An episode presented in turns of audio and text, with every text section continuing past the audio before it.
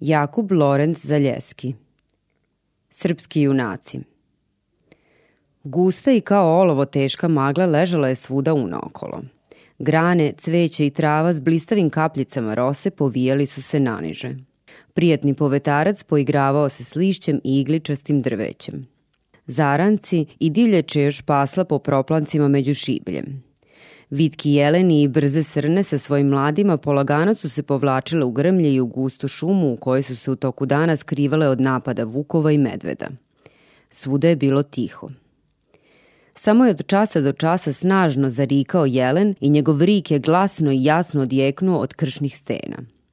Iz daljine je dopirao prigušeni šum kao žuborenje dalekih voda i valova koji padaju s hukom. Usred ovog šuma labe koja je narasla do obala, od časa do časa odjeknuje zveket oružja, bolni krik, preteće psovke. U tom trenutku na proplanku se pojavio mladić. Oprezno sluša šta se okolo dešava. Uplašeno pogleda naokolo, kloni se k zemlji kao vitka lisica i ponovo se ispravi. Njegove oštre crne oči mere daljinu, Mladić je svakako nešto primetio. U ruk je uzeo lepo izrađeni luk koji mu je visio preko ramena, a iz stobulca je uzeo strelu pa je prislonio na luk. Zategne luk i opusti nasumice. Na licu mu zablista radost i vatra mu izbija iz očiju. Desnom rukom zabacio je malo nazad dugu grgurovu kosu, malo popravi na sebi trnjem sapeti plašt i noge ga poneše tamo odakle je huka dolazila sve bliže. Mladić nije dugo trčao. Zastada na ivici šume pred širokim proplankom na kome je rasla duga trava. Pred njim se ukaza neočekivani prizor. Dva junaka, oba u sjajnim železnim oklopima, bore se dugačkim mačevima. Jedan od njih ima divlji izgled i govori mladiću nerazumljive reči i psuje, a drugi vitez odbija napade divljeg napasnika i s vremena na vreme bolno zajauče.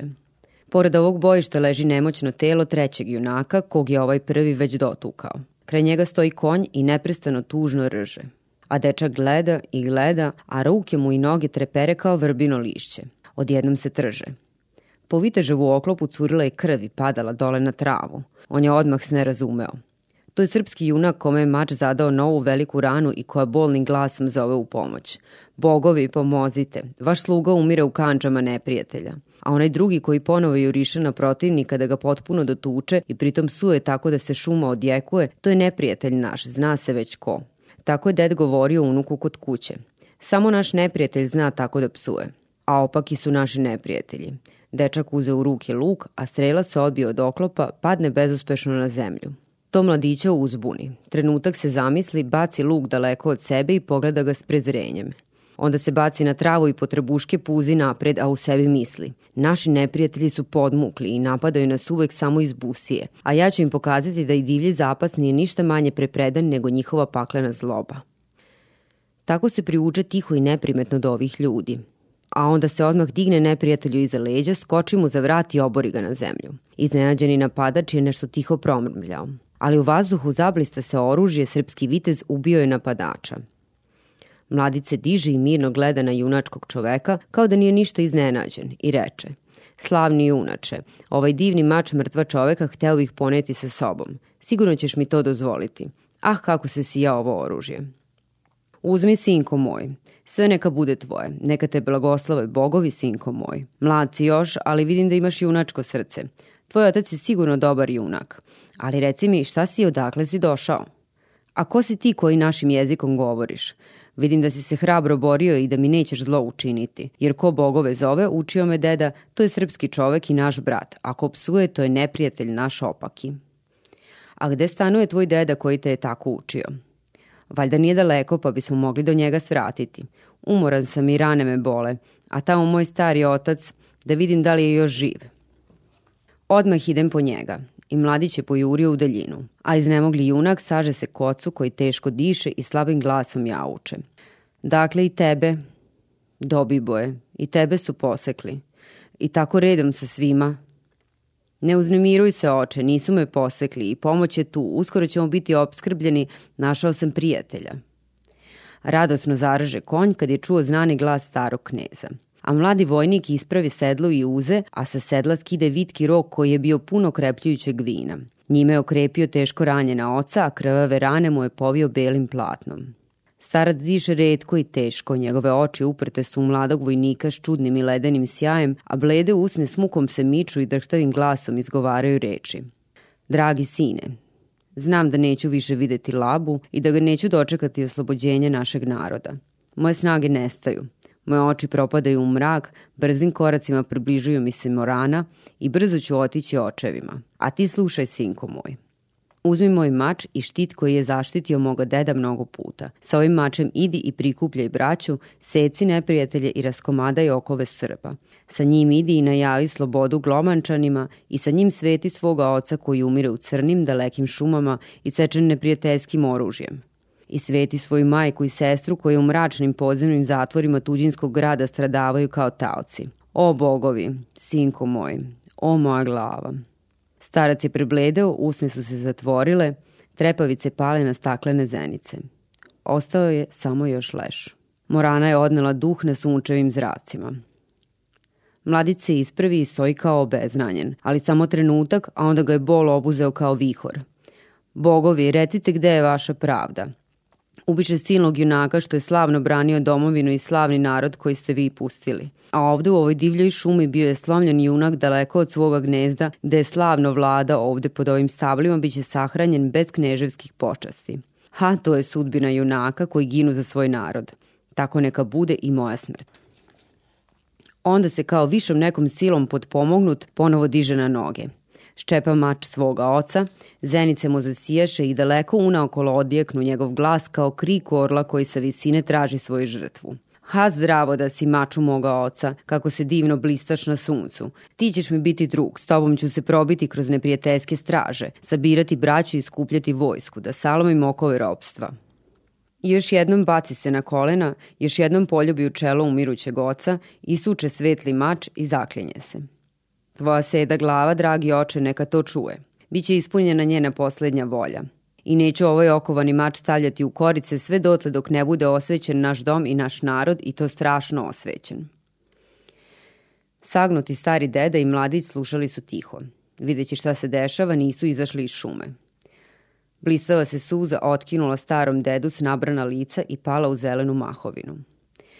Velika brada, već prilično seda, pokrivala je gotovo celo lice – Teška vremena i nevolje ratova urazile su o njega duboke brazde. Ovaj bradati starac je očigledno preživeo mnoge oluje i često je njegova ruka u mladosti bacala smrtonosno oružje. Očigledno potresen bolom, ali hladan kao kip od kamena, starac se približi i pozdravi mladića. Hvala gospodu, reče mladi ratnik, što je pomoć poslao u pravo vreme. Hvala i tebi, cenjeni oče, koji dolaziš kao brat bratu. Mladica zahvalnošću stisne dlan bradatom starcu, stari deda je bio očigledno ganut, a samo su se njegove usne tresle. Kad mi je mladić javio da se srpski ratnik nalazi u nevolji, krenuo sam s mojim dečkom u pomoć. Krasan je to čovek, reče Dobiboj. Bezmalo sam zaglavio, ali u najvećoj nevolji bogovi su ga poslali. Hvala mladiću, u njegovim žilama teče krv hrabrih boraca. Međutim je iz šume dotrčao i radosni dečak. On skače i radosno se igra mačem palog neprijatelja. Vidiš da je da reče radosnim glasom. Sad sam i ja vitez i s ovim junakom ću ići u rat. Gledaj kako se umem poigravati mačem. Oba čoveka radosno gledaju dečaka, a starac reče s osmehom. Dobar si dečak, pa ćeš jednom biti i hrabar junak, jer u tvojim žilama teče krv hrabri glomačana. I dobiboj privije dečaka sebi na grudi i toplo ga poljubi u čelo. U dubokoj tišini iznenada se ču iz gustog grmlja šum kao da se lome grane. Onda su sledili muški glasovi i težak bat konja. To su opet neki vojnici, reče Dobiboj i odmah posebno za mač koji je bio još krvav. Međutim, grane omorike se razdvoje, na proplanku se pojave četiri čoveka na zajapurenim konjima. Lice su im bila ozbiljna, a u očima žari plamen. Kad ugledaju Dobiboja, odjednom poskaču sa svojih konja, svi se okupe oko njega i pozdravljaju. Bravo, bravo, hvala bogovima. I svi redom pružaju ruku junaku. Čuli smo iz daleka zveket oružja i dozivanja u pomoć. Uspeli smo da se probijemo kroz neprijateljske straže, dragi Dobiboje, reče najstariji od ovih ljudi. Prešli smo preko lave od Grone do Drezde, jer smo se bojali da će naš knez pasti u ruke neprijateljima i da ćemo doći dockan. Dockan, vidite, upade mi u reč drugi, samo pogledajte kako naš knez ovde leži u travi. Naš knez, naš lav Dobić je pao, kriknuše svi, da je odjeknulo brdom i dolinom i svi pojuriše k telu da se još jednom od njega oproste u suzama. Međutim je stari bradati Veljkon otpasao junaka do obića i pregledao njegove rane. Badava, mrtvi ne ustaju.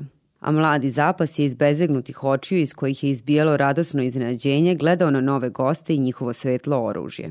Braćo, odazvao se Dobiboj, naša sudbina okrenula se tako da sam ja izgubio oca, a narod polapski najače kneza i mudrog vođu. Kad smo ovde čekali, bili smo iznenađeni. Svim silama smo se borili, ali protiv jače sile nema pomoći. Trojice naših drugova je usput palo kada je ova paklena horda na nas navalila. Moj otac je junački pao i trojicu izbacio iz sedla. Jedan je navalio na mene i već sam mislio da ću poginuti i ja, poslednji od Kevičana, od naroda Glomačana, a narod Prilapski će ostati bez vođa u ovoj teškoj borbi. Ali bogovi su poslali pomoć. Ovaj dečak spasio je Dobiboja od sigurne smrti. Zapas je sada morao pričati kako je šume navalio na protivnika i onda su podigle mladića na štit i jednoglasno povikali. Živeo Zapas, živeo! Tako je Zapas odjednom postao ljubimac ovih starih vojnika. Stari Veljkon gledao je radosno u ovaj prizor i podignutim glasom rekao Cenjeni muževi, vi sigurno niste već dugo imali mira i počinka. Dođite k meni u moj dom da se tamo odmorite za dalji put. Najlepša hvala, zlatni dedice, na tvom pozivu, reče Dobiboj. Odmah ćemo krenuti i odmoriti se kod tebe. Onda se okrete vitezovima koji su telo Dobića polagali na konja. Vladala je tišina kao da mrtvaca spuštaju u grob. A Dobiboj je primio konjak za uzdu i vodio ga polagano za starcem. Konjanici su jahali po strani i tako je koračala tužna povorka po neravnom putu kroz duboku šumu prema Veljkonovom domu. Na dalekom zapadu pojavio se na nebu crni gusti oblak. Grmljavina se čula iz daleka i sve se više približavala. Uskoro će doći teška oluja. Veljkon se brižljivo osvrta unaokolo i tužnim glasom rekao. Požurimo da što pre dođemo pod krov. Velika oluja dolazi jer od ove strane ne može se očekivati ništa dobro.